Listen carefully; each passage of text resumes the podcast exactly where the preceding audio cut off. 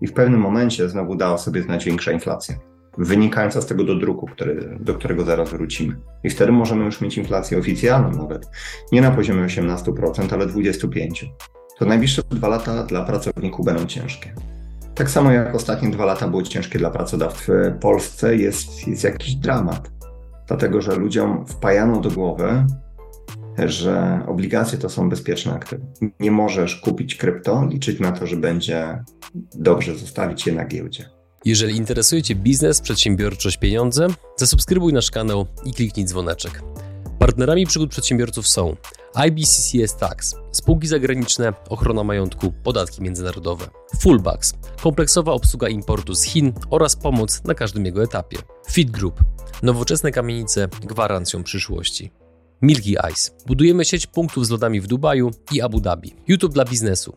Wejdź na przygody.tv i zobacz, jak wiele mogłaby zyskać Twoja firma dzięki YouTube z naszą pomocą. Linki do partnerów znajdziecie w opisie filmu. Dzień dobry drodzy widzowie, Adrian Gorzycki, Przygody Przedsiębiorców. Witam Was w kolejnym odcinku naszego programu, gdzie ponownie z przyjemnością naszym gościem jest Trader21. Dzień dobry, Czarku. Dzień dobry, cześć Adrian. Drodzy widzowie, od razu zaznaczymy na samym początku, że będzie to odcinek typowo, typowo o finansach, o gospodarce, o ekonomii. Nie przedłużając, zaczynamy. Pierwsze pytanie, Czarku. Wciąż brak stabilizacji na większości rynków. Z czego wynikają tak duże spadki, Twoim zdaniem? Wiesz co, wynikają one, nawet nie moim zdaniem, po prostu wynikają z braku płynności. Po 2008 roku banki centralne zaczęły drukować e, walutę jako szalałe. Za to skupowano różne aktywa, akcje, obligacje, rejty, obligacje korporacyjne. I przyzwyczajono rynek do, do, do druku. I za każdym razem, kiedy ten dodruk realizowano, notowania większości aktywów drożały, no bo jeżeli masz kupca z nieograniczonym budżetem, to on jest w stanie skupić każdą ilość aktywów, podbijając ich, ich cenę. Nawet jeżeli on nie dokonuje faktycznych zakupów, a tylko deklaruje chęć, to inwestorzy wykonują ruch wyprzedzający, no bo wiedzą, że zaraz się pojawi bank centralny, który będzie skupował, więc podbije ceny i mamy taką samą spełniającą się przepowiednią. I na przestrzeni ostatnich tych 12 lat mieliśmy dwa razy takie okresy, kiedy bank centralny spowalniał w okolicy 15 i w okolicy 18 roku. Kiedy skumulowany bilans tych największych banków centralnych, czyli Fedu, EBC, oraz Banku Japonii e, przestał rosnąć. Mówię celowo skumulowany, dlatego że czasami jest tak, że jeden bank ogranicza dodruk, ale w tym czasie inny bank centralny podwaja go, żeby wypełnić lukę po, nazwijmy to, po współpracowniku. E, I kiedy na przykład w 2018 roku ograniczono ten dodruk, no to praktycznie e, większość aktywów zanotowano cały rok po prostu pod kreską. Nie możesz robić tak, że uzależnisz rynki finansowe od dodruku, wypompujesz niesamowicie ich wyceny, później ten dodruk zatrzymasz i będziesz oczekiwał, że nic się nie stanie. No stanie się. Widząc na przykład, jak zmieniają banki centralne swoją politykę, już pod koniec zeszłego roku wysłaliśmy ostrzeżenia w listopadzie do osób, które kopiują nasze ruchy, że to będzie ciężki rok, że pewnie ważniejsze będzie przechowanie kapitału niż niż zarabianie. No i efekt tego mamy taki, że, że większość aktywów jest w ujęciu dolarowym pod kreską. Dolar się mega mocno umocnił. No i tak naprawdę czekamy jeszcze na jakiś taki zapalnik, który sprawi, że banki centralne znowu powrócą do, do druku i będziemy mieli kolejne dwa lata nastawione ewidentnie na zarabianie. Mhm. Czy moglibyśmy trochę bardziej rozwinąć to, co sprawiło, że dolar kosztował ponad 5 zł? I druga część pytania, czy Cezary Graf miał rację? Pierwsza część pytania, co, co sprawiło? Kilka czynników. Po pierwsze, kiedy ograniczasz dodruk i podnosisz stopy procentowe, to inwestorzy wiedzą, że jest źle. Jak jest źle, to ewakuują się z rynków postrzeganych jako bardziej ryzykowne, a rynek polski do takich należy. Dlatego też e, wyprzedają polskie obligacje, polskie akcje, no i pozbywają się złotówki, czyli tym samym kupują waluty, takie tak zwane safe haven, frank szwajcarski oraz, e, oraz dolar. To był pierwszy czynnik. Drugi czynnik, wojna tuż za naszą wschodnią granicą, mm, który sprawił, że jest niepewność, bo nigdy nie wiesz, czy komuś nie puszczą nerwy i ktoś nie pójdzie o krok za daleko i nagle nie będziemy mieli frontu jednak na naszym terenie. Trzeci, opieszałość, skrajna opieszałość banku centralnego, w podnoszeniu stóp procentowych. W 2000 2020 roku ostrzegałem, że będziemy mieli co najmniej dwucyfrową inflację. Wtedy się wszyscy śmiali z tego. E, mówiłem, że będą stopy procentowe podnoszone, że jeżeli ktoś bierze kredyt, to tylko i wyłącznie na stałej stopie trzeba go zamrozić. Nawet chociażby na te, na te 5 lat, to też się śmiano. Ludzie mówili, że przecież e, nie ma możliwości, żeby bank centralny podniósł stopy procentowe, bo ludzie tego nie wytrzymają i tak dalej. I to, co mamy dzisiaj, to jest efekt gigantycznego dodruku, jaki przeprowadził bank centralny. Wpompowano w gospodarkę po prostu te pieniądze. I druga rzecz, osłabianie się złotówki. Dlatego, że jak złotówka się osłabia, to przykładowo cena ropy, która jest wyrażona w dolarze, dramatycznie rośnie w złotówce. Po pierwsze, ceny surowców wzrosły, między innymi ropy, a po drugie podrożał znacząco dolar, w którym my tą ropę kupujemy. Więc efekt jest taki, że jeżeli kupujesz nagle, nagle ropa nie wiem ile w Polsce, 7 zł, 8, plus która powiedzmy dwa lata temu kosztowała 4, no to cena ropy wpływa ci na ceny wszystkich w zasadzie produktów. Dodatkowo energetycznie bardzo oberwaliśmy, co jest efektem wielu lat zaniedbań, bo jedna czwarta ceny prądu to są prawa do emisji CO2, które są tym droższe i masz bardziej opartą energetykę na, na węglowodorach. No i mamy inflację, jaką mamy. Na chwilę złotówka doszła do, dolar, przepraszam, doszedł do 5 zł, czy tam przekroczył go. E, I teraz e, mamy trochę uspokojenie sytuacji, bo coraz więcej osób zdaje sobie sprawę, coraz więcej, coraz więcej finansistów, że jesteśmy bliżej niż dalej do powrotu do, do druku i do obniżenia stóp procentowych. I kiedy do tego finalnie dojdzie, pewnie złotówka będzie się umacniać przez kolejny rok, może, może półtora roku, zakładając, że nie będziemy mieli konfliktu na naszym terenie. Czy, czy Graf miał rację? No, po 6 e, złotych jeszcze nie mamy. Ta, ta prognoza była obarczona jednak bardzo dużym marginesem błędu. E, natomiast e, za 3 lata jest to bardzo prawdopodobne. Za 3 lata, w których będziemy mieli dodruk, uspokojenie sytuacji. Będziemy mieli taki powtórkę z roku 2020-2021, kiedy będzie czas na zarabianie, kiedy ceny wszystkich aktywów idą ostro do góry i w pewnym momencie znowu dała sobie znać większa inflacja, wynikająca z tego do druku, który, do którego zaraz wrócimy. I wtedy możemy już mieć inflację oficjalną nawet, nie na poziomie 18%, ale 25%. Wtedy możemy mieć też większy kryzys, bo im wyższa inflacja, tym większe bezrobocie, większy kryzys gospodarczy. Gdzie twoim zdaniem jest, gdzie twoim zdaniem jest koniec spirali tego do druku? No bo przecież nie można tego chyba robić bez końca. E, efektem tego będzie zniszczenie wszystkich papierowych walut. Ostatnim najprawdopodobniej, który upadnie, będzie dolar i wtedy przejdziemy do nowego systemu poprzez jeszcze reset długów. Wczoraj widziałem taki piękny wykres, o ile z, no, zdewaluowało się zadłużenie w Europie e, i to było od kilku do kilkunastu procent właśnie w wyniku wysokiej inflacji. Im masz wyższą inflację, tym bardziej dewaluuje ci się zadłużenie. Rządowo oczywiście, ale jednocześnie nie możemy zapominać, że po drugiej stronie są ludzie, którzy mają pieniądze e, i których siła oszczędnościowa też się dewaluuje.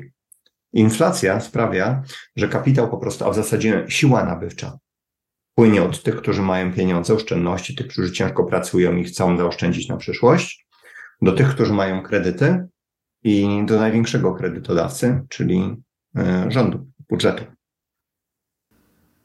Nikt z nas nie ma kryształowej kuli, więc oczywiście nie możemy przewidzieć przyszłości. Możemy ewentualnie przygotowywać się na różne scenariusze. I a propos właśnie takiego scenariusza, który raczej jest negatywny niż pozytywny. Jeżeli okazałoby się, że róż... Jeszcze raz proszę. Ja na przykład, wiesz co, czy ja wiem, przepraszam, że ci przerwałem, ale ja na przykład dzisiaj jestem bardzo pozytywnie nastawiony do, do tego, co przyniesie przyszłość. Dlatego, że mam około 30% moich aktywów w gotówce, w drogim dolarze. I to są, to jest mój budżet, który ja zamierzam przeznaczyć na różnego rodzaju aktywa, które po prostu już są tanie, a być może za chwilę będą jeszcze tańsze. Dlatego ja uważam, że dzisiaj jest bardzo fajny moment dla tych, którzy mają po prostu pieniądze i tych, którzy zamierzają ulokować je w różne ciekawe aktywa. Także ja jestem bardzo mhm. pozytywnie nastawiony do, do tego, co przyniesie nam kolejne, powiedzmy, dwa lata. Może tak, nie w no, gospodarce. Okej, okay, więc pozwól, że dokończę tam to pytanie. Jeżeli ktoś chciałby skorzystać na tej potencjalnej fali okazji, która może się pojawić w kontekście potencjalnej paniki gospodarczej i tak dalej, to co powinien zrobić dzisiaj, jeżeli nie ma tego luksusu, że on czy ona nie ma 30% swoich aktywów w gotówce, to czy jakkolwiek może ta osoba jeszcze się załapać na to, co będzie, czy już jest za późno, Twoim zdaniem? Wiesz co, Wszystko zależy. Dlatego, że jeżeli chodzi o rynek pracy, to najbliższe dwa lata dla pracowników będą ciężkie. Tak samo jak ostatnie dwa lata były ciężkie dla pracodawców, bo mieliśmy ewidentnie rynek pracownika, branża programistów bardzo mocno to, informatyczna bardzo mocno to odczuła, bo programiści przychodzili po podwyżkę 20-30%, jak jej nie było, to dzień później pracowali gdzieś indziej, zostawiając pracodawców. E, teraz sytuacja się, się zmieni, dlatego że rośnie bezrobocie i ono rzeczywiście będzie rosło pewnie przez kolejnych kilka lat, ale ono uważam, że w Polsce nie będzie jakoś dramatycznie wysokie, a na pewno nie takie jak w momencie, kiedy ja wchodziłem na rynek pracy, kiedy w dużych miastach sięgało 15-18%, w Polsce przekraczało 20%, a w małych mieścinach przekraczało czasami 35%. I to był rzeczywiście dramat dla, dla pracowników. Teraz absolutnie, moim zdaniem, jest to skrajnie mało prawdopodobne. Dzisiaj na przykład w porównaniu do tego, co było 20 lat temu, dużo łatwiej jest zdobyć różnego rodzaju kwalifikacje, dlatego że jest mnóstwo kursów, e, mnóstwo możliwości zdobycia zawodu dzięki temu, że upowszechniły się techniki wymiany informacji online. Czyli my sobie rozmawiamy, Hiszpania, Polska, nieważne gdzie byś był, możemy nagrywać, pojadę na wakacje, możemy nadal nagrywać. I ludzie z całego świata mają dzisiaj dostęp do informacji, które są rozsiane też po całym świecie, więc jeżeli ktoś ma tylko chęci, umiejętności, to jest w stanie bardzo szybko się, się przebranżowić, dzięki czemu panuje większa elastyczność na, na rynku pracy i może dostosować swoje umiejętności do, do zmieniającego się rynku pracy, więc to wcale nie musi być jakieś, e, jakieś trudne.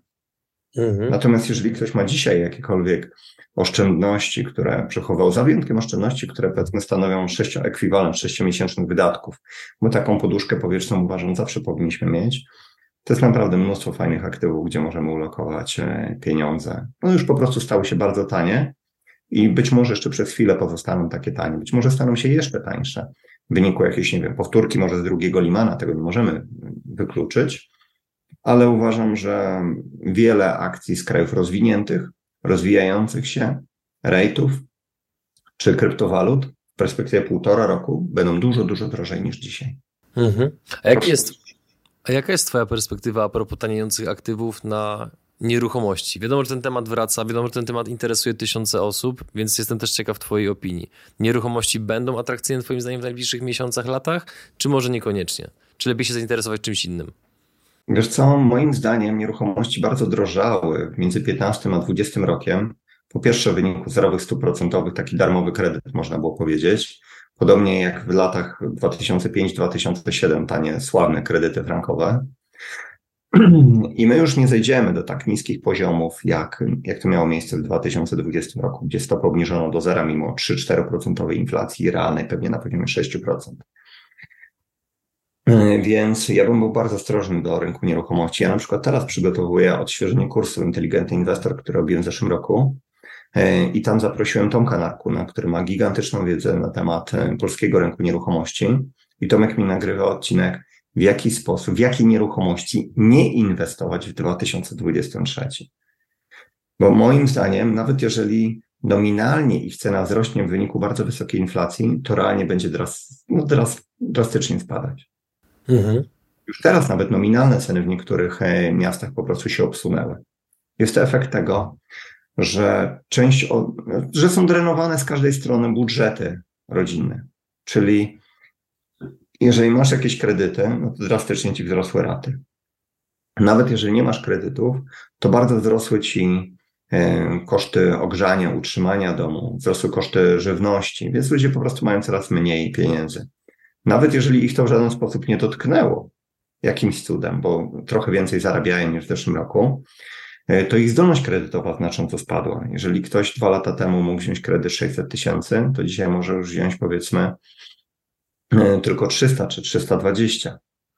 Jednocześnie e, osoby, które nie bardzo wiedzą, co zrobić z pieniędzmi, które nie mają wiedzy finansowej, kiedyś kupowały za gotówkę mieszkanie na zasadzie, bo mieszkanie nie straci, bo przechowa wartość.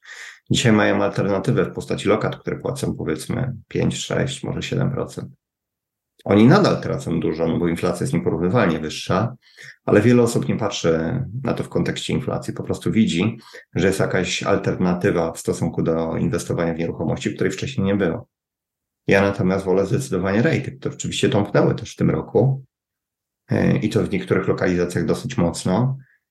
Natomiast rejty są przez inwestorów traktowane bardziej jak akcje, czyli jeżeli mamy panikę, to potrafią stracić 30%. Jeżeli uruchamiamy dodruk, to potrafią w krótkim czasie zrobić 50% i wrócić powiedzmy do punktu wyjścia, czy nawet więcej. A ceny na ceny nieruchomości na rynku takim prawdziwym nie reagują tak gwałtownie. My w Polsce na przykład mieliśmy pięcioletnią bessę na rynku nieruchomości w latach 2007-2013. Później dwa lata spokoju i dopiero później zaczęły ceny nieruchomości rosnąć. Także mhm. zależy, czy pytasz, czy nieruchomości mieszkalne, czy bardziej, e, czy bardziej rejty. Mhm. Co do rejtów, jestem mega pozytywnie nastawiony. Co do nieruchomości, już nie. Idąc dalej, bo rok 2023 już praktycznie zbliża się wielkimi krokami i nawet nie wiadomo, czy się jeszcze w tym roku zobaczymy na nagraniu, więc jeżeli byśmy się nie zobaczyli, to muszę o to zapytać. Z Twojej perspektywy, które metale, surowce, aktywa w 2023 roku mogą zyskać bardzo, bardzo dużo? Jakie macie przewidywania jako wasz zespół? Co, ja generalnie jestem, tak jak byłem przez ostatnie lata, bardzo pozytywnie nastawiony do surowców. I to w zasadzie do każdej grupy. Najbardziej ostrożny jestem w stosunku do ropy, dlatego że jeżeli doszłoby teraz do jakiegoś dużego tąpnięcia, inflacja by spowolniła, to, to cenę ropy można, ona naturalnie będzie spadać, ale można ją jeszcze, powiedziałbym, dobić, dlatego że cena ropy jest najsilniej manipulowaną, ropa jest najsilniej manipulowanym surowcem ze wszystkich. Przykładowo w latach 12-15 ona się utrzymywała stabilnie na poziomie 100 dolarów. Kiedy trzeba było dobić Rosję po, po aneksji Krymu, obniżono cenę ropy do 30 dolarów. Na chwilę cena ropy spadła do ujemnych wartości podczas paniki covidowej. To jest w ogóle absurd. Ale to pokazuje, jak, jak wypaczony jest ten rynek. Natomiast jeżeli chodzi o miedź, od strony popytowej wygląda to super, dlatego że idziemy w kierunku OZE y, czy odnawialnych źródeł energii. Potrzebujesz miedzi do wyprodukowania tych silników elektrycznych, turbin. Wszystkie, wszyscy duży producenci przestawiają się na większą produkcję hybryd bądź elektryków. Do tego też potrzeba ogromnej ilości miedzi. Cały rozwój elektroniki opiera się na metalach ziem rzadkich, surowcach strategicznych ogromnej ilości litu, kobaltu będą zużywane po to, żeby wyprodukować baterie, więc ten postęp technologiczny sprawia, że rośnie zapotrzebowanie bardzo na surowce i to jest tylko jeden czynnik wbijający cenę. Drugi czynnik jest taki, że surowce są najsilniej skorelowane z rosnącą inflacją, czyli kiedy inflacja rośnie, to e, wymusza to drastyczny wzrost cen surowców. To jest trochę taka samospełniająca się przepowiednia. Inwestorzy wiedzą, że jak będzie nam inflacja rosła, to ładują się w surowce, wymuszając tym samym wzrost, wzrost ich cen. Tak jak zwykle w przypadku takiej inwestycji trzeba bardzo uważać, e, jak inwestować, czy poprzez akcje poszczególnych firm, czy może poprzez kontrakty terminowe, na co trzeba bardzo uważać, czy może poprzez ETN. I tu jak zwykle diabeł tkwi w szczegółach, bo na przykład wiele osób kupowało, pozornie wydawało im się tanią ropę przez ETN-y, cena ropy wzrosła po panice covidowej drastycznie, a oni byli na minusie bo, bo Contango wyczyściło ich inwestycje. No. Trzeba po prostu wiedzieć, jak się to robi, um, inaczej w co inwestować i przede wszystkim jak inwestować. Mhm. Bo pamiętam właśnie po tym odbiciu gwałtownym e, w drugiej połowie 2020 roku, e, wiele osób zadawało mi pytanie, jak to jest możliwe, że inwestowałem, znaczy oni inwestowali w ropę, na przykład przez ETN, cena ropy wzrosła dwu, trzykrotnie, a oni nadal są pod kreską. Ze względu właśnie na to, że inwestowali poprzez kontrakty, które nieustannie trzeba rolować. Mhm. No, tak jak powiedziałem, diabeł po prostu tkwi w szczegółach. Jeżeli na przykład chodzi o metale szlachetne, to tu jest w ogóle mega ciekawa sytuacja, dlatego że wiele osób e, mi zarzuca, że no tak, mamy negatywne stopy procentowe, złoto miało drożeć. No i złoto tylko i wyłącznie w dolarze, który jest rekordowo drogi, jest, jest na spadkach w większości walut, w większości, w 80-90% walut jest, e, jest na szczytach. Dodatkowo bardzo wzrosły marże. Jeżeli chcesz kupić złoto tu i teraz, no to już go tak, tak tanio nie kupisz, a już nie po oficjalnej cenie.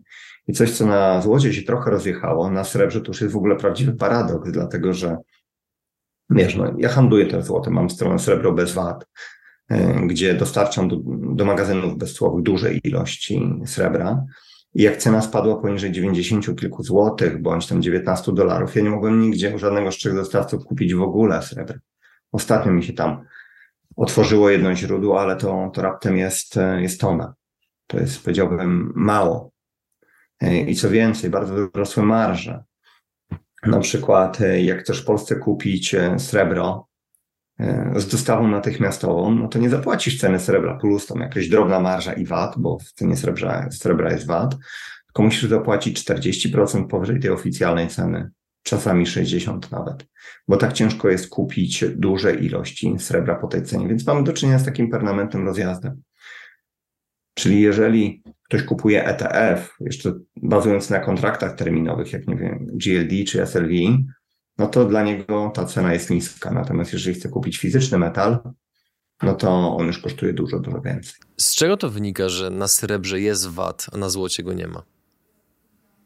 Mm, z tego, że politycy po prostu chcą mieć kolejne źródło jakby dochodu i wymyślili sobie, że, VAT, że trzeba VAT nałożyć na, na srebro i to działa praktycznie w całej Unii Europejskiej. Nie wiem, jak jest w Stanach Zjednoczonych. Na złoto najprawdopodobniej dlatego nie, że, że złoto jest po prostu pieniądzem, aczkolwiek są kraje.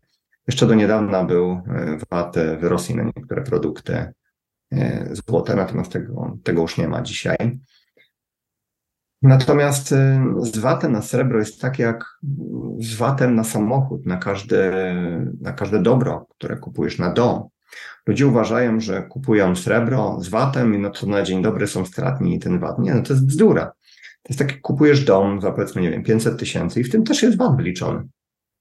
Następnego dnia go sprzedajesz i otrzymujesz cenę jakby z tym VAT-em wliczonym. Kupiec go znowu kolejnego dnia sprzedaje, po prostu VAT podnosi cenę cenę produktu niestety. Jeszcze do niedawna w Estonii można było kupić srebro bez VAT-u, ale no, ostatnią lukę w Europie już zamknięto. Idąc dalej. Bezpieczne inwestycje w obligacje okazały się niebezpieczne. Fundusze obligacji notują olbrzymie straty. Polskie obligacje skarbowe straciły w tym roku na wartości blisko 20%, podobnie jak amerykańskie, a z rynku wyparowują miliardy. Najgorsze już za nami, czy dopiero przed nami? Jeżeli chodzi o amerykańskie, wydaje mi się, że najgorsze już za nami. I to jest na przykład mój, uważam, największy błąd zeszłego roku. Nie doceniłem tego, że w obliczu takiej redukcji bilansu, takiego zatrzymania do druku i umocnienia się dolara, może dojść do sytuacji, w której amerykańskie długoterminowe obligacje mocno oberwą. I one też oberwały. I to jest na przykład mój osobisty błąd. Do tej pory w 90% przypadków na przestrzeni 100 lat było tak, że jak akcje taniały, to obligacje rosły. Przykładowo podczas paniki w 2008 roku obligacje podrożało 35%. Podczas paniki covidowej podrożały 20 kilka. A teraz one są kilkanaście procent pod, pod kreską. Ze szczytu licząc, to, to dużo więcej. Natomiast no, na szczęście na szczycie ich nie kupowałem. No i to jest przykładowo mój fuck up. Do tej pory tylko cztery razy mieliśmy taką sytuację, gdzie w jednym roku obrywały akcje i obrywały obligacje. I było to odłączenie się Wielkiej Brytanii od standardu złota, później przyłączenie Stanów Zjednoczonych do wojny, gwałtowne wybicie inflacji w Stanach Zjednoczonych chyba w, 80, w 68 roku i teraz mieliśmy kolejny przypadek, cztery razy na, na 100 lat. Natomiast y, to, że w Polsce obligacje bardzo oberwały, to mnie absolutnie nie dziwi, dlatego że o ile Fed dowiódł wielokrotnie, że w Stanach możliwe są podwyżki stóp procentowych w przeciwieństwie do Unii Europejskiej, w przeciwieństwie do, do Polski, mówię do poziomów, w których zbliżają się do inflacji, e, o tyle w Polsce jest, jest jakiś dramat, dlatego że ludziom wpajano do głowy, że obligacje to są bezpieczne aktywa. I ludzie kupowali je dla odsetek. Ja je kupiłem tylko i wyłącznie jako hedge przeciwko spadkom, czysta spekulacja która po prostu no, w zeszłym roku mi nie wyszła. E, I, e, I o ile ja nie mam z tym problemu, ja wiem, że kiedy e, FED uruchomi dodruk, to albo zapowie dodruk, to ich cena gwałtownie odbije, ale wiele osób kupiło obligacje, zwłaszcza w Polsce, nie w celach spekulacyjnych, tylko po to, żeby inkasować te 2 czy 3% odsetek. I kiedy inflacja eksplodowała, to wielu inwestorów pozbywało się obligacji, no bo jak jest sens trzymać, otrzymywać 2 czy 3% odsetek, e, kiedy masz 8, 10, 15 i 20% obecnie inflację. W takiej sytuacji wyprzedajesz obligacje, spada ich cena i rośnie ich rentowność. E, I myślę, że dzisiaj wiele osób, które uważało, że kupuje bezpieczną obligację, w panice je sprzeda. I absolutnie uważam, że teraz nie powinni tego robić. Dlatego też, że niedługo inflacja w Polsce powinna zacząć spadać. Mimo, że mamy nadal silnie negatywne stopy procentowe, mimo, że Bank Centralny czy Rada Polityki Pieniężnej robią nam krecią robotę, myślę, że obcy agenci nie daliby rady tyle szkód wykonać, co Rada Polityki Pieniężnej, utrzymując tak nisko, tak długo stopy procentowe, czego efektem jest bardzo wysoka inflacja i dramat na, na obligacjach. Ale myślę, że teraz, kiedy dziesięcioletnie obligacje, tam chyba płacą już 9%, to wychodzenie z nich byłoby absolutnie głupotą, bo inflacja będzie spadać. Za jakiś czas FED, nie FED, tylko NBP uruchomi dodruk i będzie pewnie interwencyjnie skupował te obligacje. Czyli podbije znowu ich cenę, rentowność spadnie. Ale jeszcze raz to powtórzę, to jest coś, co trąbiłem przez ostatnie kilka lat. W kolejnej dekadzie obligacje będą aktywem, które będzie niemalże gwarantem straty. Ty możesz dostawać co roku te 2 czy 3 odsetek, procent odsetek, czy tak teraz można 9, ale to będzie zawsze dużo, dużo mniej niż realna inflacja. To jest tak jak w latach 70. W Polsce w latach 80. ludzie zbierali pieniądze latami na na mieszkanie czy na samochód, na książeczkach oszczędnościowych i otrzymywali jakieś odsetki, a później przyszła inflacja, która sprawiła, że mogłeś sobie, nie wiem, na kawę iść, czy na dobry obiad. Mhm. A propos tego muszę zapytać. Adam Glapiński twierdzi, że Narodowy Bank Polski nie jest winien wysokiej inflacji w Polsce w żadnym wypadku. Uważa też, że od drugiego kwartału 2023 roku inflacja zacznie spadać. Jednocześnie wedle danych GUS inflacja w Polsce w październiku 2022 roku wyniosła 17,9%. Jak to skomentujesz? To nie wymaga komentarza. To tak jak, nie wiem, komentować to, co powiedział patologiczny kłamca. Daj mi, zacytuj mi jedną, proszę, wypowiedź, kiedy Glapiński miał rację. Chociaż jedną. Byłoby ciężko. Nie da się. Kiedy Glapiński zatwierdził dodruk, zatwierdził zwiększenie ilości waluty w gospodarce po panice gotów covidowej 18%, stwierdził, to nie wywoła inflacji. Ja mówię nie od razu, bo ludzie się boją. A jak ludzie się boją, to nie wydają pieniędzy. Jak nie wydają pieniędzy, to spada tempo cyrkulacji waluty. I też czynnik, który w tamtym czasie zwiększyliśmy bardzo ilość waluty w obiegu, ale spadła cyrkulacja, więc nie było inflacji. Ale to trzeba było tylko poczekać, aż to tempo, tempo cyrkulacji wróci do poziomu sprzed covidowych. A według niego to miało nie wywołać inflacji. Kiedy pojawiła się inflacja, nie martwcie się, ona jest tylko przejściowa, zaraz wróci do naszego celu 2-3%. Poza tym, co to za cel? 2% mamy cię rypać na twoich oszczędnościach? Debilizm. Później, kiedy się okazało, że nie jest przejściowa, ona zaraz zacznie spowalniać. Nie spowolniła. To od kolejnego kwartału na pewno spowolni, nie spowolniła. Ale to już, już jesteśmy blisko szczytu. Nie, nie jesteśmy. Jest kolejny szczyt. Także. To wedle Twojej opinii, kiedy nastąpi szczyt drożyzny w Polsce? Nie wiem, nikt tego nie jest w stanie powiedzieć. Wiesz co, jeszcze jedną rzecz chciałem tylko odnieść. Są dwie sytuacje, kiedy bankierzy mówią prawdę. Centralnie. Kiedy są nawaleni i ktoś ich nagrywa, jak na przykład Ben Bernanke, e, bądź kiedy przestają pełnić funkcję bankiera centralnego. I wtedy rzeczywiście mogą mówić prawdę. Natomiast póki są um, urzędnikami, muszą mówić, muszą przekazywać komunikat, który uspokaja populację albo manewruje populacją w odpowiedni sposób. Przecież gdyby Glapiński powiedział, zwiększam ilość waluty e, o 18% w 2020 roku i powiedziałby, że zgodnie z inflacją, z definicją inflacji z lat 70., która w tamtym czasie, e, inflacja w tamtym czasie określa, inflacją w tamtym czasie określano zmianę ilości waluty w obiegu, bo wiedziano, że zmiana ilości waluty w obiegu przełoży się na wzrost cen. Gdyby powiedział to oficjalnie, to ludzie daliby ze sprawę inflacja 18%. Boże, nie było takiego od 2001 roku. Wyszliby na ulicę.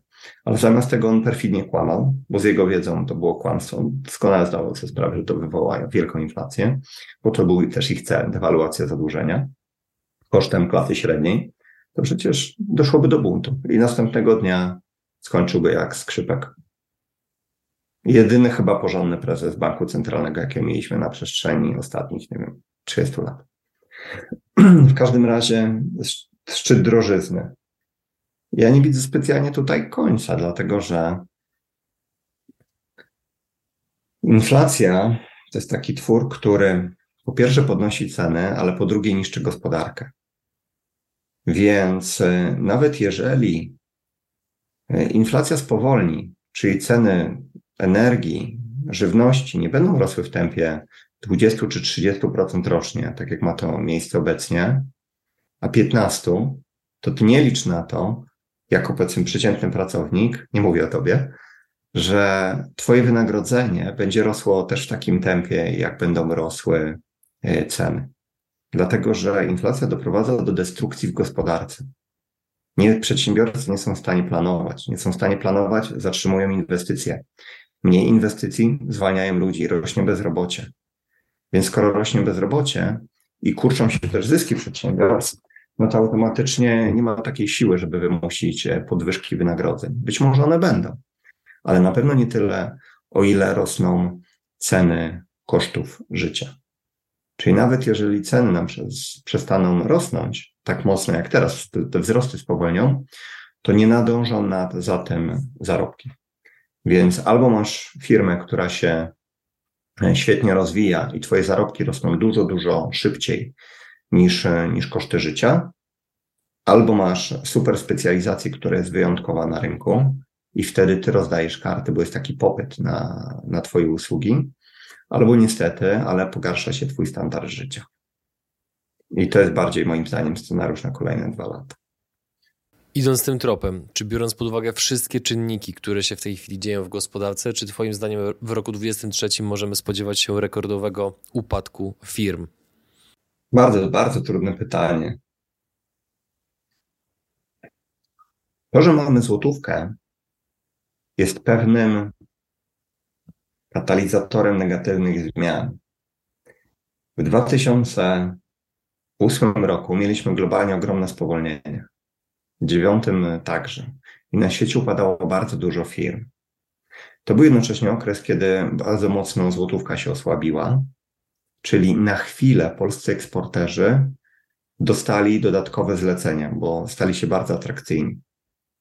Jednocześnie spowolniono import, nastawiając się na korzystanie z dóbr bądź usług, które były wytwarzane w Polsce. Po prostu, kiedy się złotówka osłabia, na chwilę, to rosną ci dochody firm zajmujących się, eksportujących nasze towary i jednocześnie spada import. Więc jest to takie chwilowe, powiedziałbym, błogosławieństwo. I dzięki temu, że w 2008-2009 roku złotówka się bardzo mocno osłabiła, udało nam się przejść w tamtym czasie przez kryzys w miarę bezpiecznie. Pamiętam nawet, Tusk ogłaszał Polska jedyną zieloną wyspą w Europie. I myślę, że teraz przez to, że złotówka tak oberwała, mamy wysoką inflację, ale to jest jednocześnie czynnik, który sprawił, że tak szybko nam nie rośnie bezrobocie, jak w innych krajach, na przykład Unii Europejskiej. W, Niemie, w Niemczech jest na przykład dramat, dlatego że Niemcy są gospodarką najsilniej ze wszystkich gospodarek na świecie nastawionych na eksport e, i u nich koszty produkcyjne wzrosły chyba o 40%. To jest największy wzrost od czasu wojny, więc ich produkty nagle stają się drogie. Okej, okay, euro się osłabiło trochę w stosunku do dolara, ale na pewno nie tyle, o ile wzrosły im koszty. Więc zmierzam do tego, że Polska przez to, że mamy teraz wysoką inflację, która jest bardzo destruktywna dla gospodarki, ten okres problemów może mieć bardziej rozłożony w czasie. I to nie będzie tak. Tragedia, uspokojenie. Może będzie gorzej, ale nie jakoś tragicznie i uspokojenie sytuacji za jakiś czas. To z innej strony patrząc, chociażby analizując to, co się obecnie dzieje w Stanach w kontekście tego, że czołowe korporacje zatrudniają, zwalniają ogromne rzesze pracowników, czy uważasz, że ta fala zwolnień również dojdzie do Polski? Nie wiem. Nie wiem. Ciężko mi jest odpowiedzieć na, na to pytanie. Czy one zwalniają tak dużo? To bym też się zastanawiał. Wiesz, no, media lubią, lubią straszyć. Ludzie, ludzi bardziej interesuje informacja, idą masowe zwolnienia niż e, bardzo spada bezrobocie. Dlatego, że jeżeli masz pracę i słyszysz o zwolnieniach, to od razu się zastanawiasz, czy one zaraz mnie nie dotkną i idziesz przeczytać artykuł. Jeżeli masz pracę i słyszysz, że bezrobocie spadło do nienotowanych nigdy poziomów, no i co, co z tego? Jest fajnie, ale mnie to nie dotyczy. Mam pracę i nic złego się nie stanie. Więc za każdym razem, jak mamy negatywne informacje, na przykład z rynku pracy, firma ta zwalnia tyle osób, tyle, firma ta zwalnia, to się podaje, ile zwolnień jest w ujęciu nominalnym. Czyli zwolniono 50 tysięcy pracowników, 10 tysięcy pracowników i to nam się wydaje dużo. Natomiast jeżeli e, tą samą informację przekazano by w inny sposób, zwolniono 1% pracowników, 2% pracowników, to już zupełnie jest inny przekaz, ale nie ma takiego wielkiego wydźwięku. Nie straszysz ludzi e, i tym samym przyciągasz mniej reklamodawców, bo niestety większość mediów tradycyjnych żyje z reklam. Także mhm. moim zdaniem te, mm, te zwolnienia stare nie będą jakoś tak, e, tak tragiczne. Przejdźmy zatem do kryptowalut. Kilka dni temu obiegło cały internet, obiegła cały internet informacja a propos upadku giełdy FTX. Jakie wnioski można z tego wyciągnąć? Jakie obserwacje? Takie, że na rynku krypto, który ciągle się kształtuje, nigdy nie możesz wykluczyć absolutnie niczego. Dlatego, że w czerwcu upadła nam Luna, szósty największy projekt, czy w tamtym czasie. Teraz upadła nam chyba trzecia największa giełda pod względem czy to klientów, czy to kapitalizacji. No dużo, no. Nazwijmy FTX to była absolutna absolutna czołówka i nie wiadomo, czy ludzie, którzy mieli tam pieniądze, zyskają je, raczej nie. Ale to jest też e, sygnał na przyszłość. Nie możesz kupić krypto, liczyć na to, że będzie dobrze zostawić je na giełdzie. Ja w trakcie poprzedniej hossy mm. trzymałem większość moich e, krypto na tym, na ledgerze, poza systemem, bo wiedziałem, że skoro mogę w prosty sposób tam wydatkiem rzędu 500 zł czy 700 zł dzisiaj zwiększyć bezpieczeństwo, może inaczej, wyeliminować ryzyko upadłości giełdy. No to jeżeli masz tam znaczące środki, no to te 500 zł to wydaje się śmieszną kwotą. Dzisiaj na przykład trzymanie po upadku FTX-a pieniędzy na giełdzie to jest w ogóle moim zdaniem jakiś poroniony pomysł, Zwłaszcza, że masz portfele MetaMask, gdzie możesz go po prostu no, trzymać na zewnątrz. Masz, masz ledgery, które stały się dużo bardziej popularne niż, niż kiedyś. Więc giełda powinna służyć Ci tylko i wyłącznie do zakupu kryptowalut. Czyli przelewasz dolary, euro, złotówki, kupujesz za to stablecoina, ale nie Tethera. Jeżeli jest to na przykład Binance, to, to BUSD. W pewnym momencie wynosisz je na, na ledger, kiedy chcesz kupić kryptowaluty, wrzucasz je z powrotem na giełdę i zamieniasz stablecoin na te kryptowaluty, które są ci potrzebne i znowu wynosisz na giełdę. To jest tak samo jak trzymanie pieniędzy czy kryptowalut na giełdzie krypto w obecnych czasach jest równie głupie, jak kupowanie metali szlachetnych, złota w szczególności, które ma ci dać niezależność y, i w każdym momencie pozwala ci przynieść majątek, trzymanie jego po prostu u dealera, Dealer jest po to, żeby ci sprzedać metal.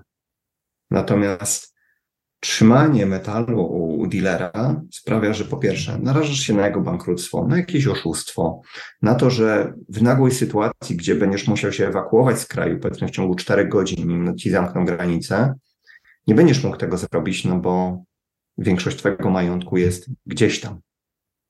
Także Luna i FTX pokazało, że, że na tym rynku może się dużo wydarzyć.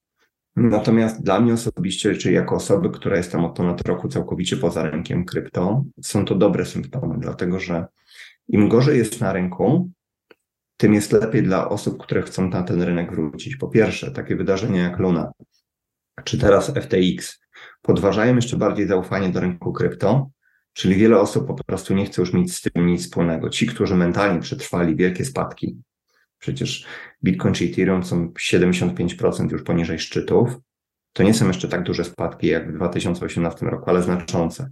Więc jeżeli ich nerwy już były zszargane mocno, no to teraz nerwy tych, którzy mieli kasę w Lunie czy FTX-ie, no już są totalnie zszargane i on, oni może nigdy nie wrócą więcej na, na rynek. Zmierzam do tego, że to pogłębia spadki. Druga rzecz. Na rynku jest mnóstwo bardzo fajnych projektów, w które ja chcę wejść. Jeżeli te projekty się bronią w tak negatywnym scenariuszu jak dzisiaj, to znaczy, że są kuloodporne na chwilę obecną. To, co też się stało, myślę, że to jest taka nauczka na przyszłość. Nie możesz nigdy ulokować kasy na jednej giełdzie albo w jednym projekcie, bo każdy projekt, jak widzieliśmy po Olunie czy FTX, może po prostu się, się przewrócić i to jest kwestia czasami godzin, a nie dni. Bo Binance chce się pozbyć konkurenta, któremu tutaj zaczyna machać szabelką przed nosem i ma dobry sposób na realizację tego. Panowie się nie dogadują i wcielasz plan w życie. Tak samo było z Luną. Idiotyczne zapowiedzi, w jaki sposób Luna się będzie broniła, sprawiło to, że się odsłonili.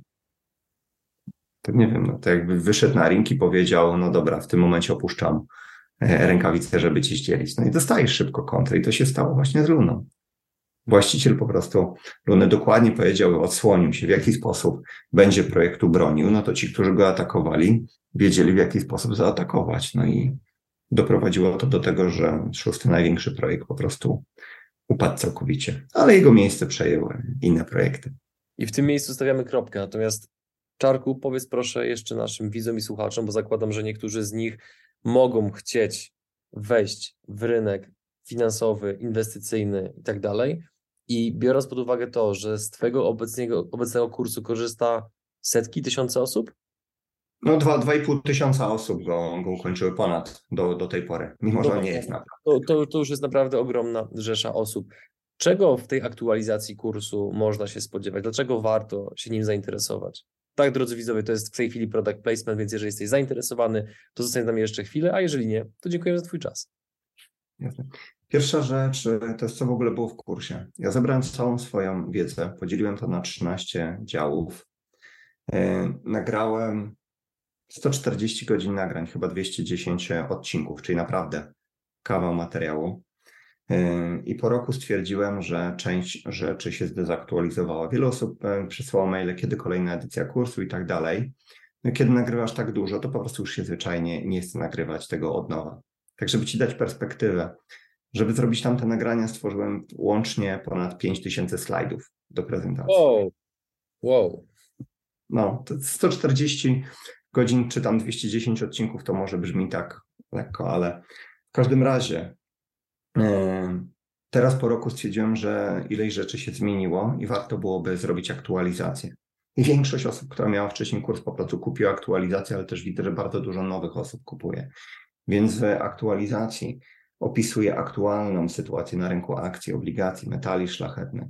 E, kryptowalutom poświęciłem bardzo dużo uwagi, geopolityce. Tam były też takie działy dodatkowe, które były niesamowicie wysoko e, ocenione przez widzów. Finanse i rozwój osobisty oraz zdrowie. Więc to są działy. Mimo, że zdrowie zajęło mi 14 godzin, w zasadzie nagrania dotyczące zdrowia, to, to stwierdziłem, że trzeba to rozszerzyć, dlatego że ja przez ostatni rok bardzo dużo się nauczyłem. Dodatkowo też robię sesję dodatkowe pytań z Ryszardem Grzebykiem, autorem książki Rak to nie wyrok. Nie znam osoby, która ma większą wiedzę odnośnie zdrowia. E, z filmem koniecznym odnośnie krypto, bo, bo film naprawdę, no, mam mega szacunek do niego i za osobowość, za to, kim jest, a i za, za wiedzę na rynku krypto, plus jeszcze kilku innych gości specjalnych. Także jeżeli ktoś jest zainteresowany i wejdzie na kurs.inteligentnyinvestor.pl, tam znajdzie wszystkie informacje, wywiady z ludźmi, którzy to skończyli, rekomendacje, oceny, jakie poszczególne działy miały i za co. Także tam jest wszystko zawarte. Ja I do 30 listopada jeszcze można nabyć czy to kurs, czy aktualizację, przepraszam, w niższej cenie.